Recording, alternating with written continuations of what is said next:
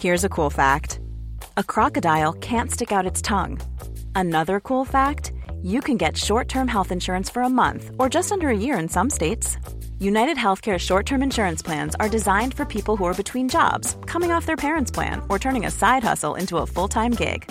Underwritten by Golden Rule Insurance Company, they offer flexible, budget friendly coverage with access to a nationwide network of doctors and hospitals. Get more cool facts about United Healthcare short term plans at uh1.com.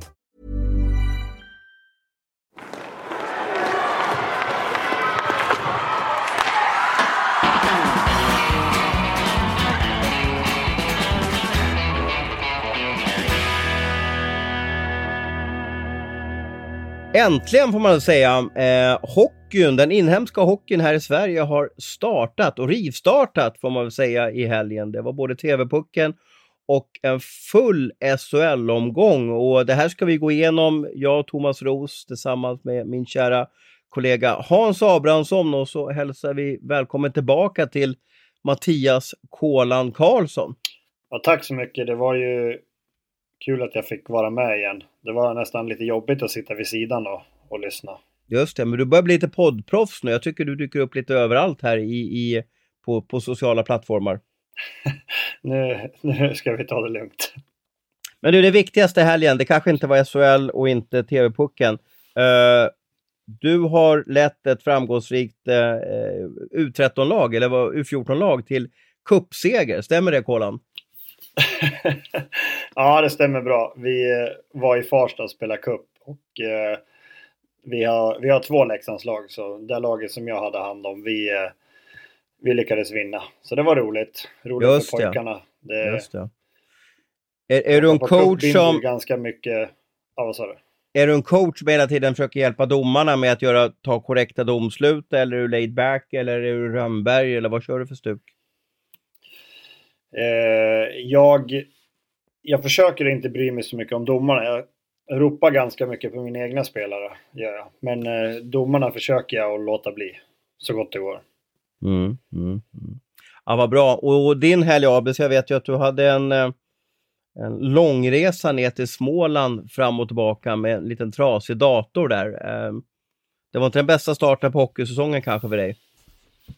Ja, förutsättningarna var väl inte de bästa, men det gäller att göra det bästa av dem och det vart ganska, det vart helt okej okay ändå. Datorn höll ihop i alla fall så att eh, den, den, den klarade av att göra det han, det han skulle göra. Så det, var, det var jättekul att, att få komma ner och um, se två lag som jag var väldigt intresserad av. Mm, mm.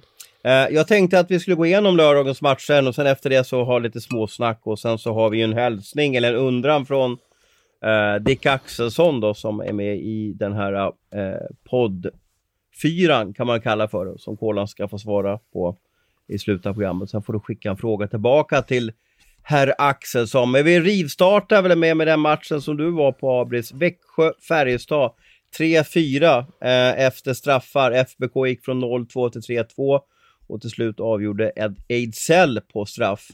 Eh, Hugo Mo Gustafsson målskytt i, i sin första SHL-match. Uh, jag noterade, Abris, att det bara var ett mål på straffarna. Är inte det för dåligt? Ja, eller också kan man ju berömma målvakterna för att de gjorde det väldigt bra. Haukeland har ju varit ifrågasatt inför säsongen här och eh, han svarade ju med att leverera en bra match. Kanske borde tagit Gynges andra mål men sen spika igen helt på straffarna. Så att eh, Nej, jag tycker vi ska vara positiva i år och se till eh, fantastiska räddningar av, av målvakterna. Då får vi kanske lite likes av Stefan Lade på Twitter också. Va? Ja, ja, precis, precis. Eh, men det här med straffar, om vi bara stannar där förutom mm. innan vi går in på själva matchen. Alltså, ska vi försöka göra isen ännu bättre? Går det att göra det? Eller, eller blir det för tidskrävande? Eller, eller ska, kan vi underlätta någonting för att det ska liksom bli bättre is där ute?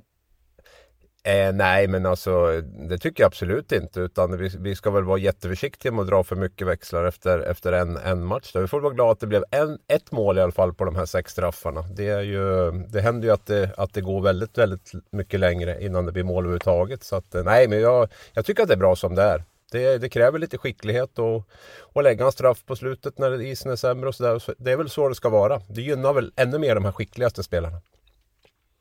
Kolan, har du varit någon lag som inför en säsong varit väldigt uppskrivet och haft press på sig och, och, och ja, man pratar lite om Färjestad den här säsongen, lite som Real, Färjestad och så vidare. Har, har, du, har du haft en, en, en sån här press gående in i en säsong? Eh, nej, jag tror inte det. Jag kom ju till HV då. Då hade de precis eh, blivit utslagen av AIK i en kvartsfinal. Så det var väl lite revanschlusta där såklart. Men jag tror vi var fler lag då som, eh, som hade press på oss. Men kanske inte så det sättet som Färjestad får i år med de värvningarna de har gjort. Så nej, jag får nog säga nej. Jag trodde du skulle fråga mig om jag har lagt några straffar. Var... Ja, men det kan jag väl ställa som nästa fråga. Har du lagt några straffar? Ja, en, en straff har jag lagt. I, när jag spelade AHL. Jag miss, missade. Ja, okej. Okay. Var, var, var, var det dålig is då, antar jag, eller? Eh, ja, det, det, var det. Det var jättedålig is där. Um, när du såg den här matchen Abis, då, vad hämtade du hem från, från, från, eh, från Växjö? Vad fick du för tankar och känslor och sådär när du såg, såg de här lagen? Det var så, som du sa, eh, regerande mästarna mot kanske det laget som väldigt många tror blir mästare. Ja, det var väl, jag skrev väl det att jag tror båda lagen var ganska nöjd med den här premiären. Inte minst Färjestad då, naturligtvis. Växjö kom ju ut väldigt bra. Det kändes som att de red bara vidare på det här guldflowet de hade i våras där. Hade dessutom lite tävlingsmatcher i, i kroppen i CHL och sådär. Så de, jag tyckte att de var klart bättre i första perioden.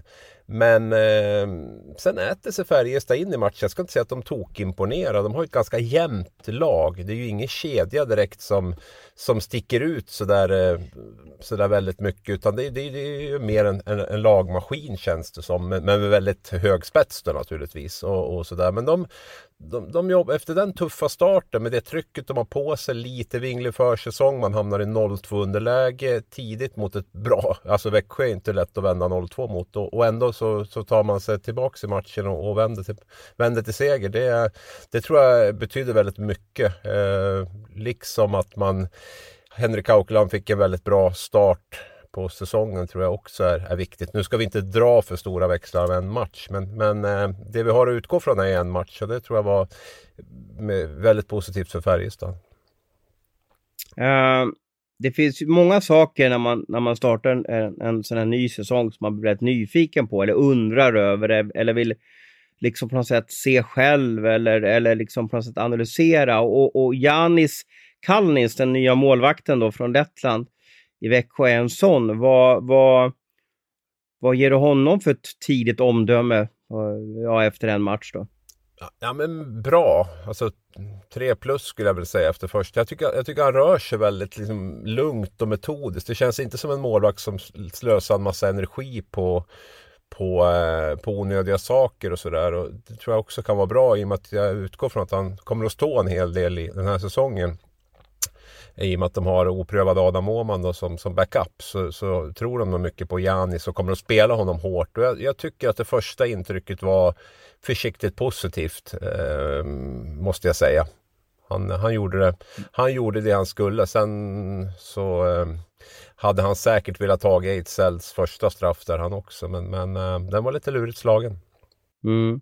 Kolan då, många hyllar ju Färjestad här. Tror att de, de, de lyckas uppfylla de här kraven eller vad, vad, ser du för oro eller vad ser du för positivt hos Färjestad? Eh, jag, jag, tror nog att eh, de kommer gå ganska bra. Det, det tror jag. Men eh, det som är kan ju bli om du har så många spelare som kräver mycket istid. Jag satt och kollade lite på vad de hade för istider på matchen. Eh, det blir ju några stycken som till slut inte kommer bli nöjd med sin istid. Linus Johansson 15 minuter. Jag tror inte... Det kanske inte han tycker det är jättemycket. Han kanske vill spela 22. Mm. Eh, så i slutändan så kommer no några stycken kommer hamna i kläm. Så det är där man måste hålla, försöka hålla så många som möjligt eh, nöjda och glada. Men de har ju kapacitet för att gå långt. Mm. Alla kan ju inte starta i powerplay heller. Nej, så är det Och blir det sådana matcher med mycket powerplay då, då kommer det se ut som, som det gjorde i Leksand i fjol med några stycken som ligger en bra bit över 25 minuter och sen har man några som har 10 minuter. Ja, ja. Sista fråga Abris innan ja. vi byter match. Eh, tror du eh, Haukland är första keeper i Färjestad eh, under 2022 eller har man värvat in Dominik Furch? Eh, Ja, jag ska svara på om någon konkret har tagit info. Jag är inte helt säker på att Haukeland är första målvakt när säsongen avslutas. Det är jag inte. Men han får gärna överbevisa mig. Sen om det är Furch eller någon annan som, som kommer in, det får jag väl passa lite grann på. Men jag, jag tror fortfarande att det finns en osäkerhet där runt, runt eh, målvaktssidan. Henrik Haukeland kan inleda med att bli målvaktshjälte här. Den möjligheten ges. Och den möjligheten tar han också. När Joel Perssons straff hamnar på Haukeland så är Haukeland det stora utropstecknet. Han vinner målvaktsmatchen i straffarna om man säger så. Vi reser vidare och från Växjö till Oskarshamn är det absolut inte så långt, eh, eh, i alla fall inte geografiskt. Oskarshamn mötte ju Timrå i premiären säsongen 21-22 och vann med 5-4, en riktig målfest. Patrik Karlqvist och Tom, Toma, eller Tamas kanske man ska säga, Sahorna gjorde två mål vardera eh, och jag blev så glad över att eh, eh, evige, vad ska man kalla det för, backkämpen Per Svensson då fick göra sitt första SHL-mål. Eh, Abris, när du har läst ikapp på matchen och kanske kollat på lite, vad, vad, vad, vad hämtar du från den här drabbningen? Tyckte det kändes som tveksamt målvaktsspel hos båda lagen. Eh, som du var inne på, Sohorna och Karlqvist framåt. Vi har ju varit lite kluven där runt Karlqvist. Liksom håller han på, på SHL-nivå? Det man vet är att ska han hålla på SHL-nivå så måste han i alla fall ha en roll där han får spela offensivt. Vara i, i någon av de producerande kedjorna. Och det får han ju i Oskarshamn. Och jag tyckte han såg väldigt bra ut det, det jag har sett därifrån. Eh, lite rapp tappar också i, i, benen. Och det är klart, får de igång honom i rätt roll där så funderar jag på, han kan säkert göra en 30-35 poäng i, i SHL också. Det handlar ju så mycket om att han får liksom spela sitt, sitt spel och, och liksom även naturligtvis bli lite rappare också som, som det ser ut som han har blivit. Men det verkar som Oskarshamn har haft en väldigt bra plan runt hur de ska, ska använda Karlqvist. Sen när de kommer in på Sohorna så tycker jag ju Thomas, jag, jag jublade ju stort där. Jag har ju Thomas i mitt dream team så att eh, mm. Så att eh, det känns ju bra. Nej men jag tycker att han osar väldigt mycket klass. Och han är inne i de här områdena där, det liksom, där de flesta målen görs. Han tar sig in, det är ingen utsidespelare och han är, han är skicklig när han är där inne liksom med både backhand och forehand och kan lyfta högt från nära håll. Alltså det, nej, de, de, har, de har intressant spets framåt tycker jag, Oskarshamn. De har ju många kedjor. Thomas Horden spelade bara 14 minuter. De, de fördelar istiden väldigt mycket. Mest istid hade Eh, Johan Jonsson, om jag säger lite snabbt här bland forwards, och det var kanske det man inte kanske riktigt trodde, men de försökte döda kanske lite istid där för, för Timrå. Eh, målvaktssidan, eh, eller vänta, vi stannar vid Oskarshamn och Timrå. Det är ju som ett nykomlingsmöte kan man säga, även fast Oskarshamn nu gör sin tredje raka säsong. En säsong vart ju, ja, eh, nedstängd på grund av pandemi och sen har det varit eh, en, en, ja, en pandemisäsong och nu är de fortfarande kvar i SHL. Eh, du var ju med i Karlskrona, Kolan här och, och eh, om du tittar på Oskarshamn och, och Timrå, vilka av de här två lagen tror du har störst chans att ja, bli ett etablerat SHL-lag? Eh, ja, på sikt så är det ju såklart Timrå, tror jag. Eh, Oskarshamn ligger lite illa till geografiskt med det har både HV och, eh, och vad är det mer som är i närheten? Växjö, de tar väl de, de flesta sponsorer och så vidare. Så jag, jag tror att Timrå har ju de har en stor stad i ryggen som kan backa upp dem där. Eh, men det är en viktig säsong för dem och de får inte förlora matcherna mot Oskarshamn, mot Brynäs, Linköping. De, de behöver vinna mot de där lagen. Eh, mm. Så det var starkt utav eh, Oskarshamn att ta den här första. Ja, Eh, det blev Jakob Johansson som stod i eh, eh Timrås eh, mål. Man vilade Sami Rajaniemi. Vet du varför Abris, måste jag säga lite kort? Ja, de har ju en plan för hur de ska matcha målvakterna och den planen misstänker jag väl är att eh, Jakob börjar borta och, och, och Sami skulle stå, skulle stå hemmamatch eller nästa match i alla fall vet jag inte, de har väl Brynäs tror jag på torsdag va? så det är väl borta igen då. Men de har, det, det är min, min tanke att de, eh, att de har tänkt sig att de ska få varsin match från, från början där. Och Jakob var med och spelade upp oss, han får börja. Typ så här. Men äh, ah, har ju varit lite tveksam där i Linköping tidigare om man verkligen ta, kommer att ta det där klivet och, och bli en, en pålitlig SHL-målvakt det jag har sett från Oskarshamn eh, imponerar ju inte jättemycket där. Och det ska väl sägas också att Canara inte var såg jättebra ut heller på de målen jag har sett. Och det, det är ju som med Timrå, ska de vinna matcher så kan man inte släppa in fem mål. Det är helt omöjligt. De kommer inte åka och göra sex mål på bortaplan mot något lag. Eh, framförallt inte mot ännu bättre lag än Oskarshamn. Så det, det är där man måste börja och täta till lite grann. Ja, spännande att se hur, eh, eh hur den här SHL-säsongen blir för båda lagen. Eh, Timrå har ju som sagt var Brynäs borta och eh, Oskarshamn har eh, eh, Malmö hemma här framöver, så vi får se. Eh, nästa match vi ska prata om blir ju då eh, Frölunda-Brynäs. Eh, Brynäs vann med, med 4-2 efter eh, tre mål på sju minuter. Var, var det här omgångens stora skräll, Kolan, tycker du? Ja, det får jag väl säga. Eh, det är väl den och Malmö som, som eh, är någon slags eh, som stack ut för mig. Men eh, helt klart, jag trodde inte att Brynäs skulle... Jag tippade ju Frölunda som SM-guldvinnare ju. När vi gjorde ett sånt här tidigt tipp. Så, ja, just det.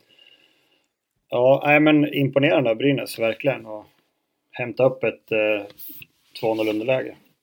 Ja, och det var väl på något sätt den här perfekta starten. Eh, vi har väl ältat det till, till förtvivlan, eh, Brynäs säsong med allt, allt stök på isen. Man räddades kvar i ett kval, eller via ett kval och sen så har man haft lite eh, utmaningar vid sidan om isen och så nu har man eh, nya sportchefer och ny tränarstab och så vidare. Så lyckas man slå kanske topplaget Frölunda på, på på bortaplan. Då. Hur är reaktionerna i, i Gävle nu då? Är det, tror man på SM-guld där, Abris?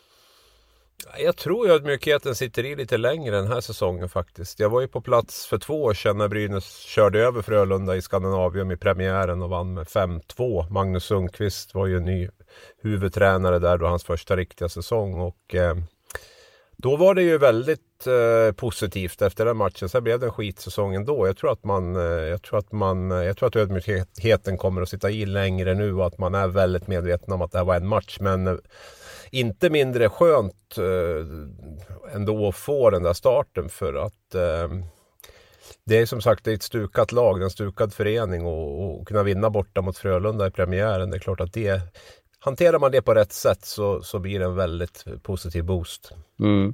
Eh, men snabb känsla, jag, jag, får en känsla av att många premiärer, att det är samma lag som möts hela tiden. Malmö, eller Leksand och Malmö känns som att de möts i premiären.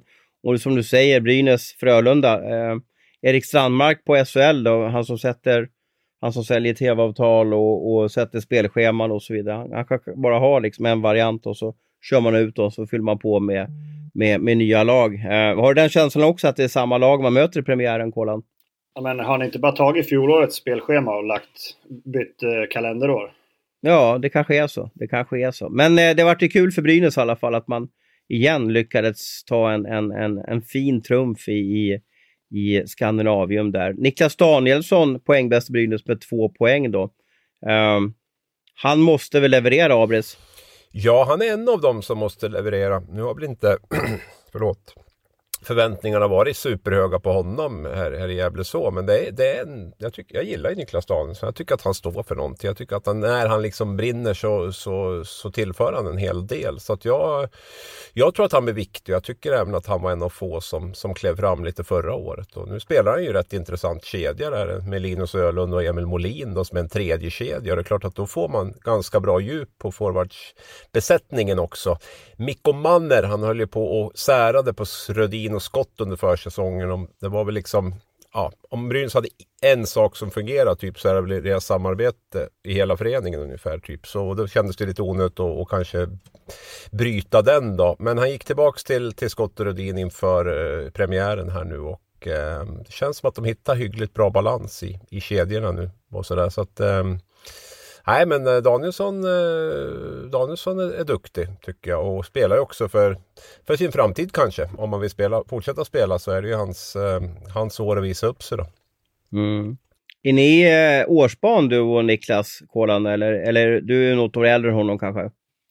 nej, han är äldre än mig. Är det så? Svårt att tro det. Ja.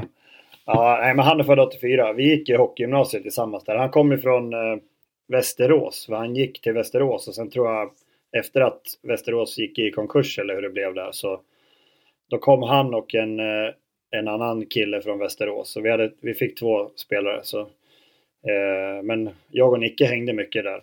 Så har väl inte jättemycket kontakt med honom idag men eh, brukar alltid stanna och prata med honom när jag, när jag ser honom.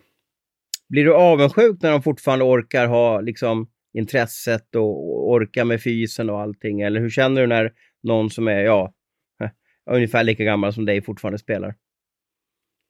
Nej, avundsjuk blir jag absolut inte. Jag, jag, är bara glad att de, att de fortfarande kan spela. För jag tyckte själv liksom att min, min motivation försvann mer och mer på slutet. Och, eh, därför så är jag så glad. Jag, jag träffade faktiskt eh, Jocke Lindström i Stockholm. För vi sov på Globen och det gjorde Skellefteå också. Eh, så, så jag pratade med han lite grann. Och, jag menar, han är ju född 83 va? Är han inte det? Det stämmer. Ja, det kan nog stämma. Fyller 38 här framöver. Ja, så han är, är jätteimponerad. Ja, jag är jätteimponerad av han att han fortfarande orkar spela och hålla sån otroligt hög nivå. Eh, men jag, jag blir bara glad av att se att på vissa så är åldern bara en siffra. Eh, det var mm. det inte för mig. Så nej, nej. Jag tror att jag fattade ett bra beslut att, uh, att lägga av och är absolut inte avundsjuk. Jag är bara glad för de som fortfarande kan spela. Ja. Uh, en sista spaning för matchen. Uh, jag skickar pucken till dig, Kolan. Mattias Norlinder, då, en, en av flera backtalanger i Frölunda, hade åtta minuters speltid och noterades uh, med minus tre. plus minus statistiken, hur ser du på den? Plus minus, ja men den ger jag inte jättemycket för spelar man i de här bottenlagen så hamnar det oftast på en, en drös med minus. Um, jag tycker inte att den ser till helheten i spelet. Det, det gör den inte. Sen jag kan ju inte den här nya statistiken så jag vet inte vad man ska gå på. Jag, jag har inte riktigt lärt mig den. Nej, nej. Man, man fick en känsla att Mattias hade en tuff kväll och, och fick lite speltid och sen var inne på ja, tre baklängesmål och sen så Fick han inte spela ja. i sista perioden då, ungefär då. Och nu ska han dra till Montreal. Det var ju hans sista match det här också, för nu ska han åka till Montreal på... på han kanske hade tankarna redan där på, på campen och ville spela safe och inte skada sig. Tror du är något på spåren där? Vi måste väl ändå nämna något om Frölunda kan jag väl känna. Jag tycker väl att det är väl en av de stora snackisarna den här premiären. Som inte hände så mycket egentligen. Men att, alltså att exakt samma tendenser igen. Man är så skört, man tål inte en motgång. Liksom man har 2-0 mot Brynäs, man får liksom 2-1 emot sig och sen, sen rasar allt. Det känns ju som att det är såna vibbar från de här två tidigare åren. Där man har liksom verkligen Ja, man, man tappar koncepten. Och det förvånar mig med ett sånt rutinerat och ett sånt eh, skickligt lag som Frölunda. För matcher går ju i vågor, det gäller ju bara liksom att hantera det. Men jag tycker de är jättedåliga på det och var det förra året också. Så att jag man skulle nästan bli lite orolig om jag var Frölunda-supporter. Att det just ser ut just på det Red, sättet. Redan nu? Ja men alltså att förlora är inga problem. Men att det ser ut att det kommer... Det är klart att det här kommer väl tillbaks i, i spelarnas huvuden också. Det var exakt så här det såg ut förra året. Liksom. När det rasar så får vi inte stopp på det. Nu vet jag också att det är 51 omgångar kvar. Men att mönstret är så likt som det har varit. Det är det som det är lite oroväckande. Mm. Eh, jag vet inte om du såg mycket av matchen där, men Frölunda drog ju på sig en del utvisningar i början av andra eh, perioden, eh, Kolan. ett lag som är lite odisciplinerat, vad ger det dig för, för tankar och, och för syn på det laget? Ja, det, det kan ju finnas en, en viss eh, mått av frustration. Det, det, kan man väl inte se ifrån. Och Frölunda, de har ju också, likt Färjestad, ganska stor press på sig att det alltid ska gå bra. Och, eh, jag tror att Roger kanske, jag vet inte om, om han alltid är den bästa tränaren att ha i när det, när det är motgång. Han är liksom... Hur, men, hur menar du då? Han är, ja, men han är ganska verbal och på spelarna och, och så vidare. Det är, det är inte säkert att alla gillar den stilen. Så, så är det ju. Alla är ju olika hur man, hur man vill bli bemött. Och jag vet inte, den stilen kanske inte passar alla. Nej, nej vi får se vad som händer där. Det är som sagt var långt kvar och eh, eh, jag såg lite intressant statistik där från eh, eh Henrik Lehmanns sajt eh, Raka puckar. Eh, och inte en gång på 2000-talet har det hänt ett lag som, som, som har tagit guld till slut har inlett eh, säsongen med en hemmatorsk då, som, som Frölunda, Leksand, Örebro och Djurgården. Det borde ju tala eh, emot Frölunda, men vi får se. Det är som sagt var väldigt mycket kvar att spela om. Eh, vi tar flyget upp till Luleå. Luleå mötte ju Linköping och vann med 5-2 och Luleå har faktiskt helt smått fantastiska 10 raka premiärsegrar just nu. Och här har vi ju poängkungen och då tror väl alla att man ska nämna eh, nummer 67 där, eh, Linus Omark. Men, men Abris, vem var det som blev den stora liksom, positiva överraskningen i den här matchen? Konstantin Komarek. Så, såg du den komma eller, eller var den, ja, såg du den komma räck? Eller hur ska man säga? Komarek. Nej men alltså jag, jag tyckte han, han gjorde en 40 poängs säsong i Malmö för två år sedan och såg ju jättebra ut. Och sen har det ju varit lite struligt, lite klubbyten. eh, synkar väl inte med Peter Andersson riktigt i Malmö, har bytt klubbar ett par gånger. Men hans skicklighet ihop med liksom Thomas Berglunds vad han står för när det gäller träning och, och inställning och sånt där känns ju väldigt intressant. Och man, man får ut liksom en vältränad Komarek med, med den skicklighetsnivån som han har. Så jag ska inte säga att jag såg att han skulle göra fyra poäng i, i premiären. Men, men att det är en, en kreativ, väldigt duktig spelare. Eh, det är det ju. Och eh, jag tror att det passar, passar väldigt bra in där uppe i, i Luleå också. Det här är väl matchens profil. Det är svårt att säga något annat om Konstantin Komarek. Vilken premiärkväll. Kommer i tom kasse. 5-2-mål Luleå. Och vem gör det? Jo, såklart Konstantin Komarek. Ja, och om ni kan er hockey så var det nämligen så att eh, Luleå värvade ju in eh, Komarek som ersättare för Robin Kovacs här när, när, när Kovacs lämnade för Örebro mitt under säsongen. Sen var han borta i fjol och så kom han tillbaka den här säsongen så han är ju då ett nyförvärv då, ett gammalt, en så kallad mm. hemvändare då. Och nu spelar han samma kedja som Tyrväinen och Gallo. Det låter som, eh, det låter som en kedja som, är, som det är ganska jobbigt att vara back emot för det kommer smälla hela tiden var Kolan. Ja det tror jag. Den här uh, finnen där, han, han känns ju helt livsfarlig på isen. Han, han tacklar oftast ganska schysst men han är ju stenhård. Det smäller på bra och Gallo vet jag ju. Han åker ju runt och jagar allt och alla så det är nog en, en bra kedja. Jag spelade med Komarek i Karlskrona. Han var ju hos oss ett år. Okej, okay, vad, vad kännetecknar honom då och hur är han då och sådär?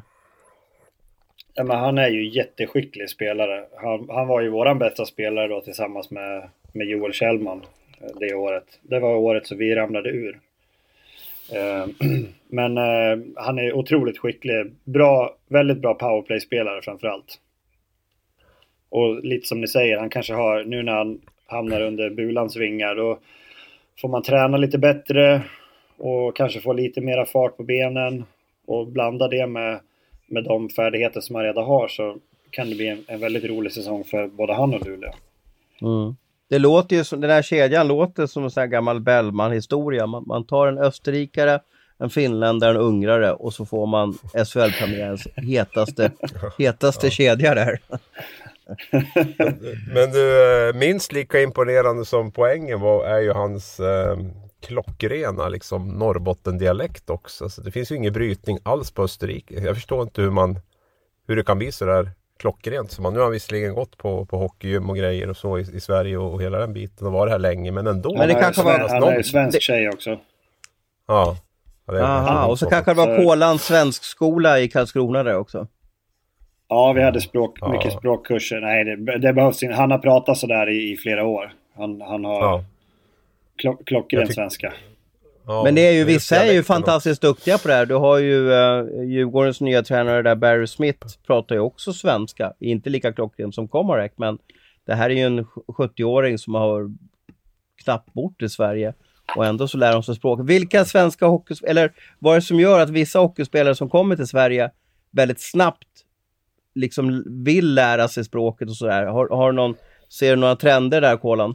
Nej, men jag tror att framförallt då schweizare och, och de som pratar tyska tror jag kanske har lättare också att lära sig svenska. Är väl den, den känslan jag får. Eh, Gallo pratar ju också klockren svenska, gör han inte det? Oh, uh, han, han pratar svenska i alla fall. Ja. Ja, den är, den är bra, men jag tror inte den är lika klockren som Komarex. Men, men nej, nej, nej, det, nej, det är sant. Kolan är något på spåren där. De pratar bättre svenska än alla skåningar. Jag tror också att de som, de som har varit på hockeygym, så att säga, de har ju liksom, ja men de måste ju gå i svensk skola, de har, får svenska kamrater, de slussas in i samhället. Jag tror att de som kanske kommer hit med, med en, är man från Tjeckien och kommer hit med en tjeckisk liksom, flickvän och hänger ihop, då, då behöver man ju inte lära sig svenska och då pratar man engelska i omklädningsrummet och då, då behöver man ju inte bli liksom riktigt svensk medborgare med att liksom prata ja, det inhemska språket då. Nej, du har nog en poäng där. Nej, det stämmer. Det, det är amerikanerna. Normally, being a little extra might be a bit much, but not when it comes to healthcare. That's why United Healthcare's Health Protector Guard fixed indemnity insurance plans, underwritten by Golden Rule Insurance Company, supplement your primary plan so you manage out of pocket costs. Learn more at uh1.com. Som är sämst. Eh, lika lurigt som, som eh, är, det är fascinerande att Luleå har tio raka premiärsegrar. Sen såg jag att Linköping har fruktansvärt svårt i premiärerna. Det här med, med en premiärseger då, Kolan.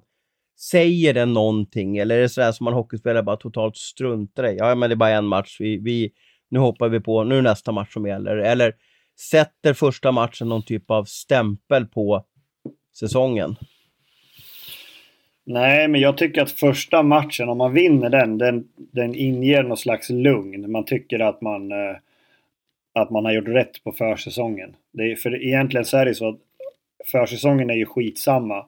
Det är ju när du kommer till den där första matchen, du vill ju vinna. Och har du åtta raka torsk på en försäsong och går och vinner seriepremiären, då känns ju allt bra ändå. Och ja. likväl gör, gör du tvärt, tvärtom att du Ja men som eh, HV förra året. Gick ju och vann i stort sett allt på försäsongen och spelade bra. Och sen så när serien började så sket de i brallan.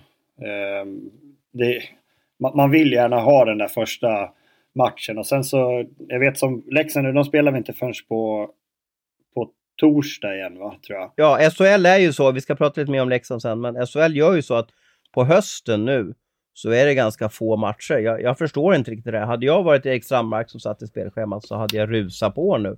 Lördag, tisdag, ja. torsdag, lördag, tisdag. Så att det hela tiden blir hets att vi kommer in i, i serien. Nu känns det som att det är fem dagar mellan matcherna. Jag tycker det är alldeles för lång tid. Jag, jag gillar det där. Ja, det ska vara lite exklusivt. För, ja. Ja, det ska vara lite, jag tycker det är lite skönt. Alltså, det är klart man skulle vilja ha matcher varje dag men det blir ändå ännu liksom, då har man någonting, alltså, det, blir, det blir att man får längta lite grann. Det är det jag kan tycka är problemet ibland med hockeyn, att det bara är matcher, matcher, matcher. Jo, men jag vill att det ska sätta sig lite. Jag vill att vi ska få topplag och bottenlag. Jag vill att det ska hända någonting. Nu, nu står vi bara stampar och ser, alltså jag vill ju veta torska Frölunda två matcher i rad, alltså ska vi köra krisstämpel? Jag vill ju liksom, jag vill ju rusa vidare så att säsongen startar ordentligt. Tålamod Thomas, tålamod vet du. ja men det har ju inte jag, det finns inte.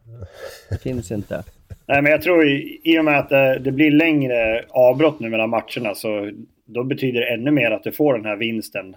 Du får lite andrum och du har, du har ett par dagar på dig att träna och alla är glada. Medan nu Frölunda, ja nu ska de analysera på video här i två dagar. Kolla vad som gick snett mm. och sen så ska man ut och träna och då är man redan förbannad innan man går ut på, på isen. Så det är klart ja. att en vinst betyder ju ganska mycket här i början. Jag, jag, tror att Oskarshamn, de är ganska, de är ganska lättade när de kommer till hallen idag. Mm. Jag kan gissa att det, att det är tufft. Man ska ju inte tänka för mycket på sitt jobb eller, eller, eller på sin sport eller sådär och så vidare. Men vad hade du för knep och tricks för att inte bara gå och fundera på hockey hela tiden, Kolan? Ja, jag skaffade ju barn tidigt så det försvann ju rätt så snabbt att tänka på hockey vid sidan av. Ja, ja men det kan ju vara, det kan vara en bra avslappningsgrej så att säga då, att, att inte fundera på hockey. Så, på så, så vi, vi tipsar alla att skaffa ungar då? Ja, precis, precis. Ja, men det ökar ju BNP i Sverige så det blir bra. Du nämnde Leksand. Ja. Eh, Eh, där är ju, jag märker att det skiljer lite mellan eh, många Leksandssupportrar tror på topp 3, topp 5. Många experter tippar Leksand 7, 8, 9. Vad, vad har du tippat Leksand, eh, Kolan? Sexa. Sexa, okej. Okay, ja, lite högre än kanske ja. mig och Abris. Eh, du har kollat på matchen, jag var där och kikade. Eh, jag blev oerhört imponerad av Malmö. De kommer inte bli ett stryklag. Eh, jag vet att det är livsfarligt att säga sånt där efter en match, men, men allt jag såg för den här matchen säger att de inte kommer ha samma jobbiga säsong som förra året och de kommer definitivt inte ha samma jobbiga höst som, som de hade förra säsongen. Eh, såg du tjafset mellan Emil Sylvegård och Jonas Ahnelöv, eh, Kolan? Nej, jag gjorde inte det. Nej, jag, jag, så, jag var ju där live, jag vet inte vad som syntes T-bilden, men det var ett fantastiskt klassiskt hockeytjafs me mellan Sylvegård och Ahnelöv. Jag tror inte jag såg det på hela förra säsongen. Eh, du som har mött, du har ju spelat med Ahnelöv och, och mött Sylvegård många gånger. Är det att Sylvegård vill komma in under huden på Ahnelöv eller vad är det som gör att han valde Ahnelöv och toktjafsa med honom? Det här slutade med att de fick bli utvisade till och med för olämpligt uppförande.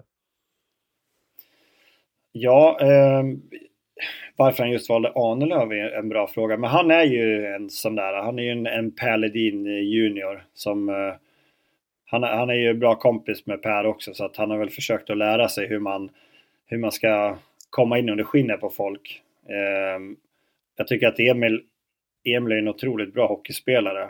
Det är ju, eh, han är ju en sån som jättesvår att spela mot. Han är stor och stark och som back när man, när man åker ner och hämtar pucken. Man vet ju att kommer han, ja men då smäller det ju. Så man vill gärna leverera pucken snabbt.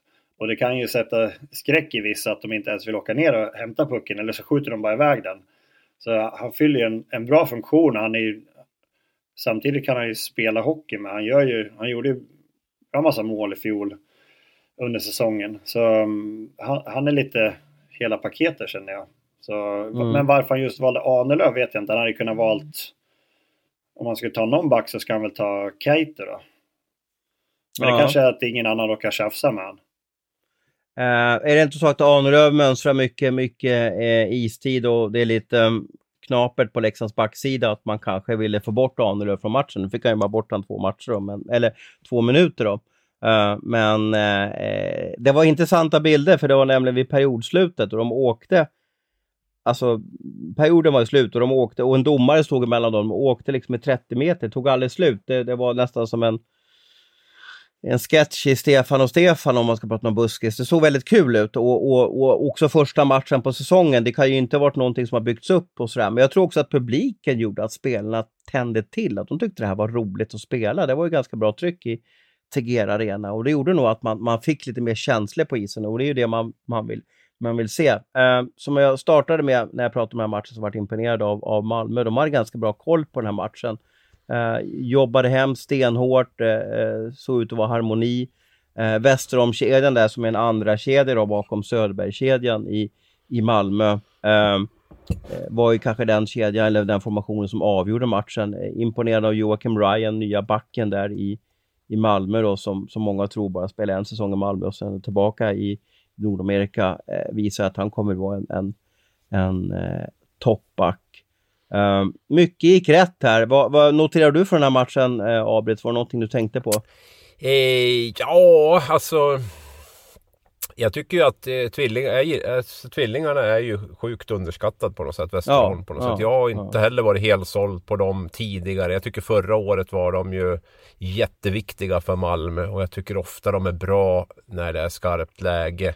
Jag tror de avgjorde sju matcher förra säsongen. Om Patrik gjorde, avgjorde fyra och Pontus tre eller något sånt där. Något åt det hållet i alla fall. Så de, och, de är, och dessutom så är de liksom där också varje match tycker jag. Man, de, de tar inte ledigt så ofta heller. Så de, de, är viktiga och det, det, det som du är inne på. Malmö får ju en annan bredd nu när man också har Söderberg och, och Boma och kanske DeShane och sen i en första kedja Och sen har man de här bakom där som, som, eh, som levererar i stort sett varje match. Så Malmö jag är inte jätteförvånad att Malmö åkte upp och vinner där. Jag tror väl också att målvaktsspelet till viss del avgjorde. Jag tycker väl kanske inte att det eh, såg ut som en ny Juvonen i, Leksands mål samtidigt som Marmelin gör det gör det bra. Jag ska inte säga att han var 5 plus, men han, han, var, han, var, han var bra. Så att, eh, nej men Leksand, det, det är det som vi är inne på. De hade ett sjukt bra målvaktsspel förra året. De hade två spelare som öste in poäng där som, som är borta. Och det, jag säger inte att de inte kan ersätta det, men det, det, det är inte så himla enkelt heller. Hur betygsätter du Ben Thomas första match i Leksandsdressen, Kolan?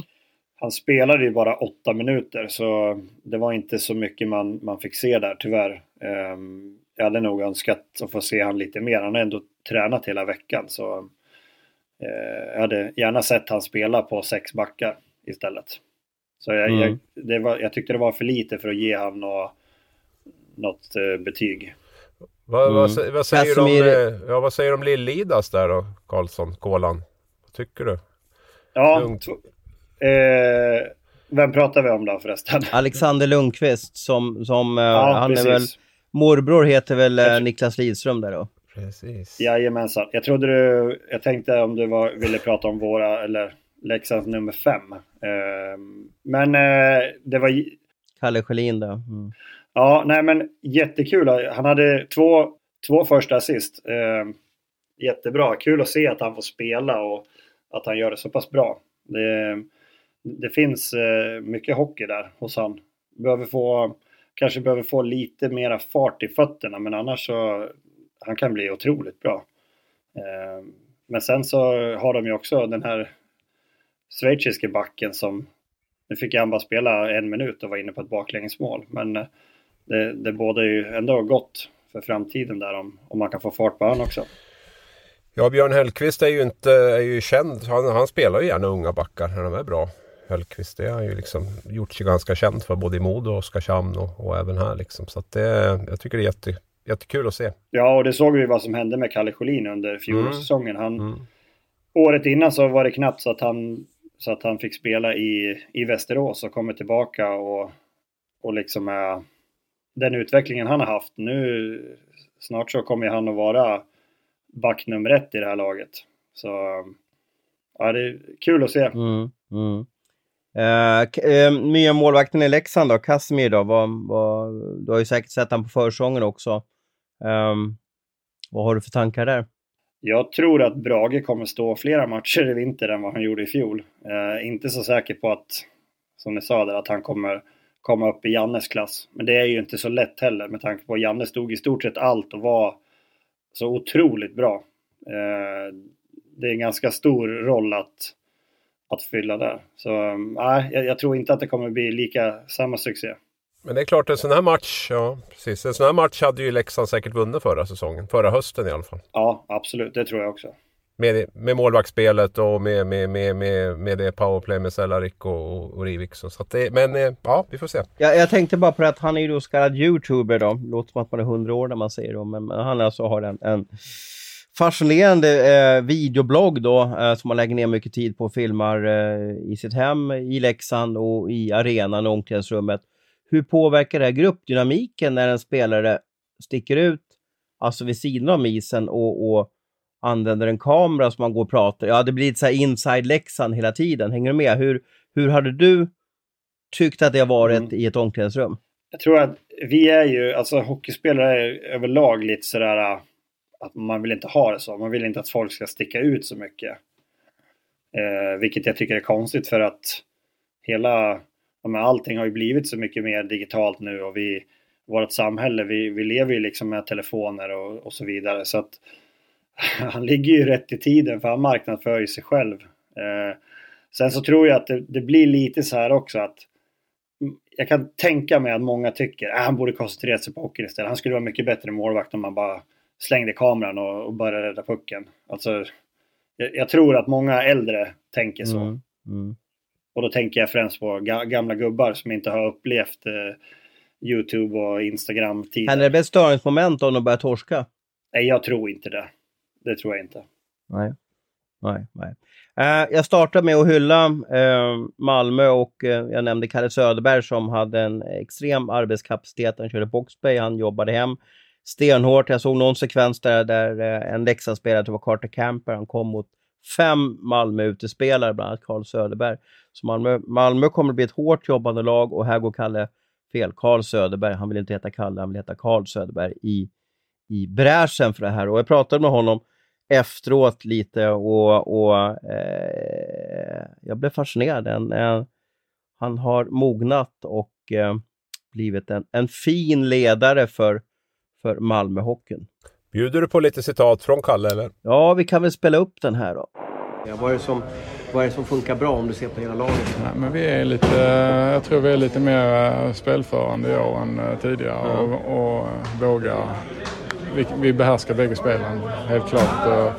Vi kan stänga ner matcher men vi kan också göra mål på eh, beställning så det är väl det, det, är väl det vi hoppas att vi ska klara av. Ja, vad är du mest nöjd med, med den här matchen? Nej, men det är sättet vi kom tillbaka på gång på gång. Och, uh, nu minns jag inte riktigt, vi ledde väl lite här och var, men de var, de var starka. Det är ett bra lag vi möter också. Mm. Och att uh, kliva fram ett mål med sex minuter kvar, det är, är skönt. Mm, Kalle Söderberg tillbaka i SHL då. Kolan, hur, hur uh, om du ska liksom ranka hemvändarna säsongen, vi har Omark och vi har Söderberg och, och eh, det finns ju Marcus Sörensen i Djurgården. Då. Hur, hur viktigt tror du Söderberg blir för, för, eh, eh, för Malmö? Eh, om man ska ranka han på din lista där så kommer nog han förmodligen att vara nummer ett. Om man ska se hur viktig man är till laget. Eh, sen kanske den, som jag ser den bästa hemvändaren är väl Linus Omark. Eh, men jag tror att Karl kommer nog ha störst betydelse för sitt lag. Det tror jag. Eh, sen visst hade det varit bättre att lyssna på en, en eh, schweizare med klockren svenska. Man går ju knappt att höra vad han säger när han pratar skånska. ja. Det, men eh, det kanske var dåligt ljud också när jag spelade upp det här, men, men eh, jag blev fascinerad. Det var, det var en harmoni över det här laget och, och Fagervall tror jag förlorat tio pannor, såg ut att utstråla liksom, eh, jag vet inte. Det kändes väldigt behagligt över Malmö. Eh, nu fick de väl en bra resa, åka upp till Leksand, lite osäker på var det står. Man har vunnit mycket på försäsongen och så får man vinna då via ett sent mål av Adam Olas Mattsson, som för övrigt, han gjorde bara ett mål hela förra säsongen, det var mot Leksand. Och nu gjorde han mål i, igen. Vad tippar du Malmö, Abris?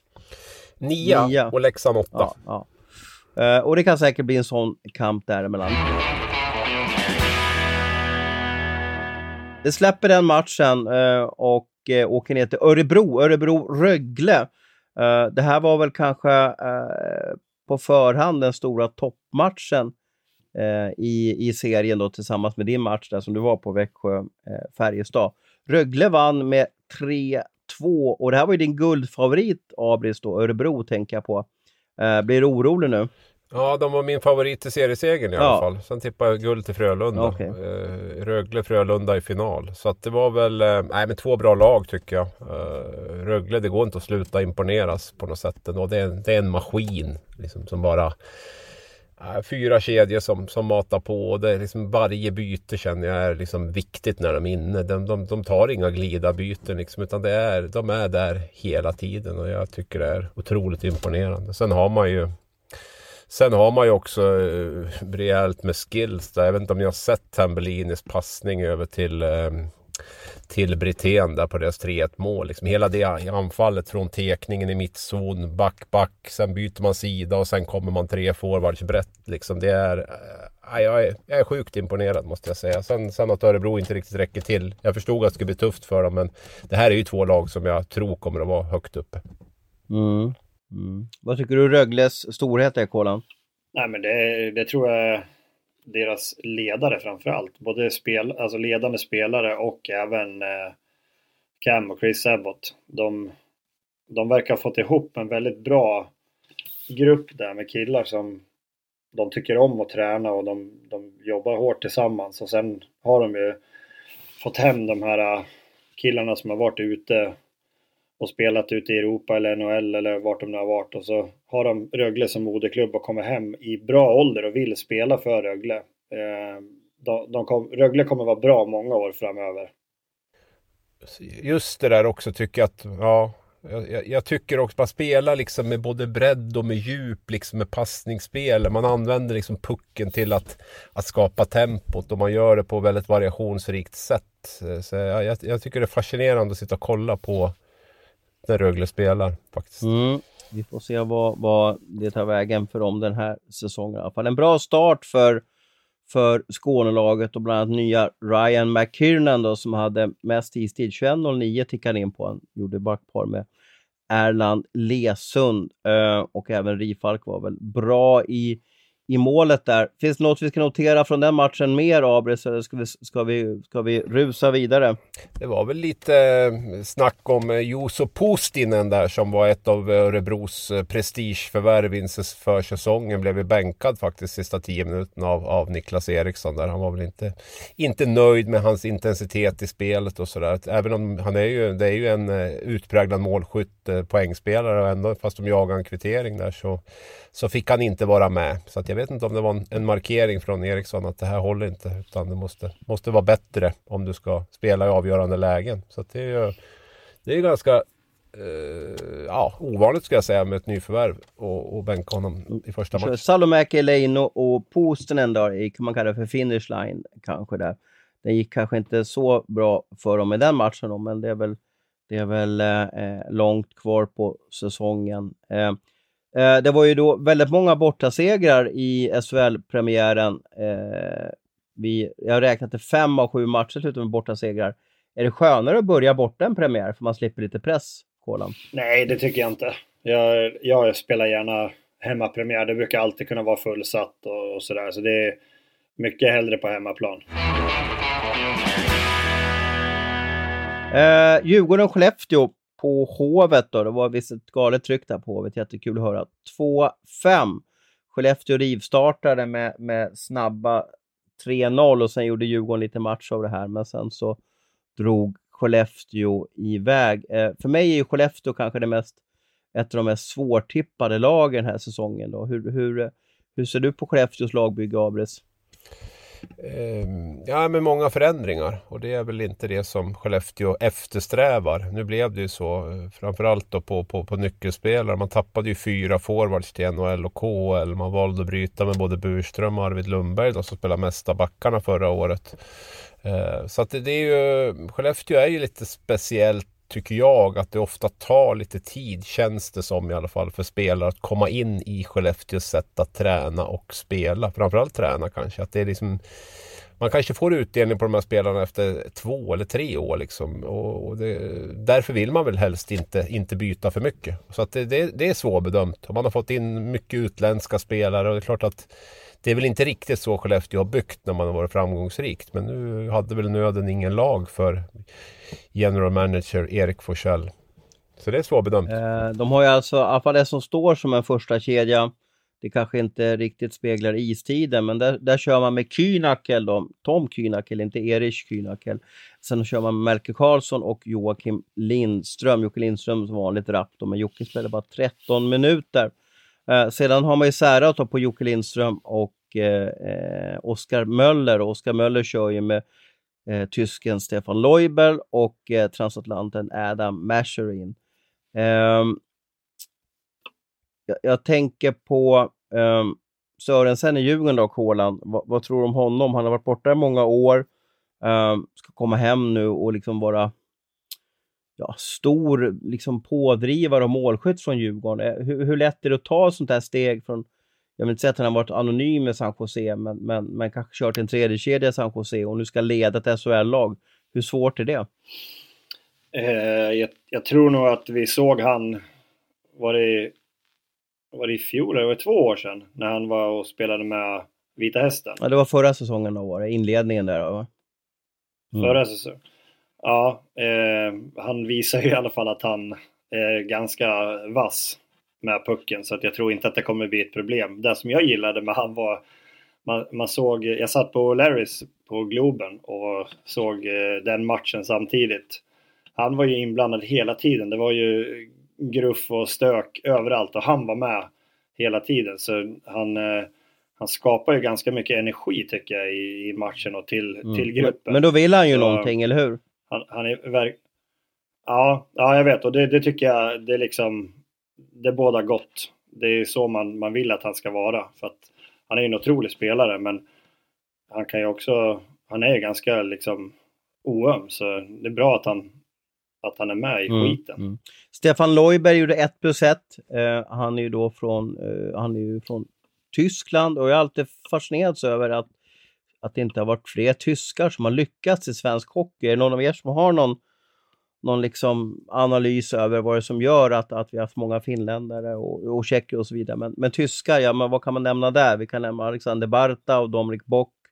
Ja, vi minns ju Moritz Seider som, som superbacktalang då. Eh, och sen var det väl Felix Schütz för något år sedan här. Men i övrigt så, så har det inte funnits så många tyskar och nu pratar vi om hela SHL och elitserien, alltså sedan 75. Vad, vad beror det på? Du Kolan, har ju varit ute och rest lite och, sett hockey i Europa och även hockeyvärlden. Vad är det som gör att vi inte, att, att tyskar inte lyckas i SHL? Ja du, det, jag vet faktiskt inte. Det, Jag, jag har aldrig funderat på det. Men eh, det känns väl kanske som att tyskarna gärna stannar kvar hemma och spelar i, i sin egen eh, Att de har det ganska bekvämt där med, Det med ganska bra mycket- löner och sen de bästa drar väl kanske till, till Nordamerika också utan att passera SHL. Ja, för det är ju inte så mycket tyskar i KHL heller. Det har vi inte sett någonting av. Nej, nej, nej. Eh, gjorde du någon mer spaning över matchen, Abrit, som du tycker att vi ska gå igenom och fundera på och, och, och sådär? Ja, jag var väl lite småchockad över hur virrigt Djurgårdens försvarsspel var, måste jag säga, i egen zon. Där. Framförallt de här tre första målen var ju som man bara satt och tänkte, vad, vad är det som händer liksom där? Det var ju stationärt spel i egen zon och var fem, fem spelare på isen, men det kändes som att de var överallt och ingenstans. Så jag blir lite så här förvånad över hur det kan se ut så där när man ändå har tränat en hel försäsong på hur man ska agera. Men det kändes som att man var helt fel tre gånger om. Liksom. Jag vet inte om det var ett extremt stresspåslag eller vad det, vad det var för någonting. Det, kanske Kolan kan analysera bättre. Ja, nej men...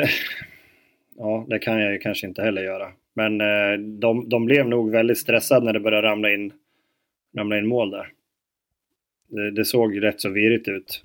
Otroligt virrigt kändes det som. De har, de har ju ganska rutinerade backar måste man ändå och säga med Högström och Arnesen och Ingman har ju varit med ett tag och, Tom Nilsson. och, och Tom Nilsson. Ja, precis. Att de borde väl inte vara sådär egentligen då. Men, men kan det vara att det är en ny tränare, om att, att man inte har hört att de kör ganska korta träningar den här säsongen då. Eh, Har det kanske inte riktigt satt sig eh, hur man ska spela och uppföra sig i egen zon?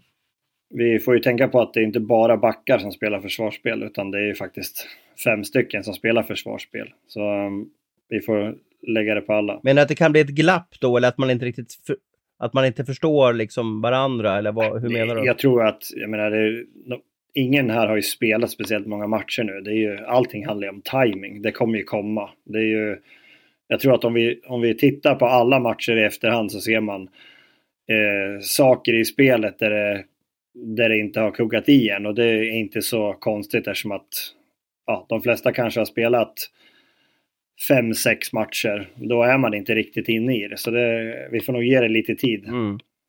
innan Mm. det sitter.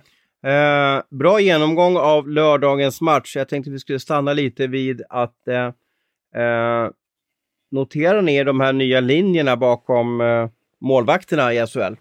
Jajamän. Ja. Eh, jag var ju i Leksand och kollade matchen mot Malmö och jag såg några gånger så stod målvakten och skrek till, ja det blev främst backarna, att de skulle åka och hämta pucken. Eh, eh, du förstår säkert vad jag menar, ja, ja ni båda förstår vad jag menar, men, men det blir ju så att de får ju inte gå utanför och ta pucken för då blir de utvisade, alltså utanför de här linjerna. Vad får det för effekt tror du på spelet, Kolan? Nej, men det blir väl att backarna måste åka ner och hämta pucken och risken eller chansen finns väl för anfallande lag. För all, det känns som att alla förändringar som ja, man försöker genomföra är ju för att hockeyn ska bli roligare, det ska bli mer målchanser.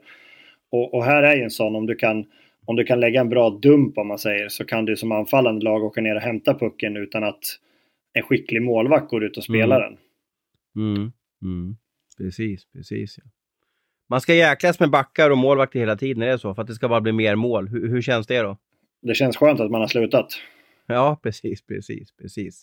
Eh, var det något mer att notera från första omgången? Det var många mål eh, överlag. Är det bara en slump, Abris, eller, eller, eller går vi mot en hockey Ja, som... det tror jag. Ja.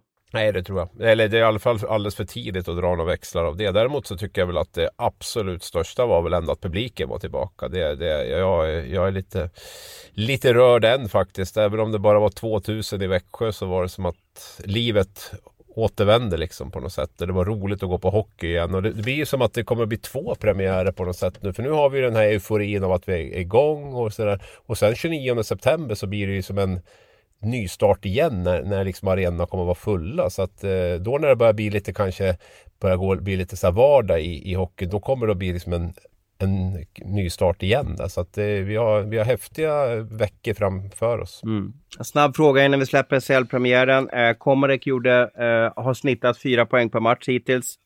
Kommer han slå Håkan Loobs rekord på 76 poäng? Nej, nej, Nej, bra, bra. Undrar vem som blir först. Kanske jag blir först och gör den vinkeln sen. Vi får se vad, vad, som, vad som händer. Eh, vi har ju alltså två externa gäster den här säsongen. Eh, vi eh, är oerhört glada för det. Vi har Mattias Karlsson och Dick Axelsson som som byter av varandra. Eh, och du fick ju en fråga i förra veckan av Dick Axelsson. Eh, om ni inte kommer ihåg den så, så kommer den här. Eh, det är väl om man kan dokumentera sitt liv lite mer på Instagram tror jag. Jag tror han, han livesänder ungefär 24 timmar om dygnet vad jag har förstått som. Okej. är det hur han orkar det eller om man kan ge lite tips till, till, till blivande influencers? Är det så du tänker? Ja men jag trodde, ja men precis, jag trodde jag var kändiskåt. Jag lägger knappt ut någonting eh, och han lägger ut hela sitt liv. Så att, eh, hur orkar han? Exakt, det är en jäkligt bra fråga. Hur orkar han? Hur orkar han vara så aktiv på sociala plattformar? Exakt, där har vi det. Ja du Mattias, eh, du är stor på sociala medier och, och, frågan från Dick var väl lite där hur du orkar och vad du har för, för, för tips till blivande influencers då? ja, stor är jag inte. Eh, det är ju så här, man har, man har flyttat runt och man har bott på så många ställen och jag har ju jättemycket kompisar och barnen har kompisar. Eh, det mesta av det som jag lägger ut är ja, barnens eh, vardag och det är ju för att till exempel eh, farmor ska kunna se eller ja, mamma och pappa, de som man inte träffar så ofta, de, de eh, gillar ju att se barnen och deras uppväxt. Så det mesta är ju en, en kommunikation till, till mina nära och kära som bor runt om i landet. Fast du bygger dig själv som hockeyprofil och, och som hockeykändis också, det är väl nyttigt? Ja, fast ja, det är ju ingen som bryr sig om det längre. Okej, okay. okej, okay. okej. Okay. Tror du Dick är nöjd med svaret eller var det för tråkigt? Nej, det var säkert för tråkigt. jag vet inte. Men du får ju sista ordet här nu i alla fall. Du får chansen att bolla tillbaka en fråga till Dick då. Och sen tänkte vi skulle fortsätta så här så får vi lite dynamik mellan våra gäster. Vad är det mm. du undrar eller, eller vill fråga eh, herr Axelsson om? Nej, men jag tänkte så här. Det har ju, det har ju stormat en del kring han under åren som han har spelat. Eh, och de flesta saker gör man ju på adrenalin och så vidare. Men eh, det, det jag funderar på, är det, är det någon grej som, som han känner att han, att han verkligen så här i efterhand, vad fan gjorde jag det där för? Utav alla grejer han har pysslat med. Mm, mm. Om det är någon speciell händelse. Ja. Hur var han på isen då? Alltså, hur var han? Hur var han? Jag upplevde att han var liksom så här lite lite smårolig på isen, alltså kunde bjuda på sig själv mot spelarna, alltså mot konkurrenter och, och medspelare också. Jo, jo men absolut. Det, det kan ju komma vad som helst, men samtidigt kunde han vara otroligt dryg på isen med. Så det, det fanns liksom inget mellanting där utan det, det som man ska veta med han är, han gör det ju svårt för oss för att han kan ju åka runt och skämta. Sen så så fort det blir någonting så han är ju den som han vill ju verkligen vinna. Mest av alla förmodligen. Så det är därför han har varit bäst i alla, alla slutspel. Eh, för han, han är alltid bra när det hettar till. Och han kan ju få oss att, ja, man tror att nej, han är inte på idag. Och sen så helt plötsligt så står han där och har gjort två mål ändå. Gubben i lådan. Så kan man kalla han. Ja, ja. Ja, men det blir en bra fråga. Den ska vi bolla vidare till, till eh, Dick i alla fall. Och eh, då tackar vi väl för eh, det här programmet. Nästa måndag så eventuellt så spelar vi kanske in live i en studio. Det är nämligen så att nästa måndag är det hockeyupptaktsträff för Hockeyallsvenskan och då kanske vi passar på att testa vår nya poddstudio i Stockholm, Abris. Tror att det är en, kan det vara en plan, i alla fall en preliminär plan hittills? Ja, det låter nästan för bra för att vara sant det skulle kunna bli så. Men ja. vi får väl se om vi får ihop tre stycken i den där studion. Precis, precis. Eh, vi tackar för att ni lyssnar på oss idag och eh, har nu en riktigt underbar hockeyvecka. Du har lyssnat på en podcast från Aftonbladet. Ansvarig utgivare är Lena K Samuelsson.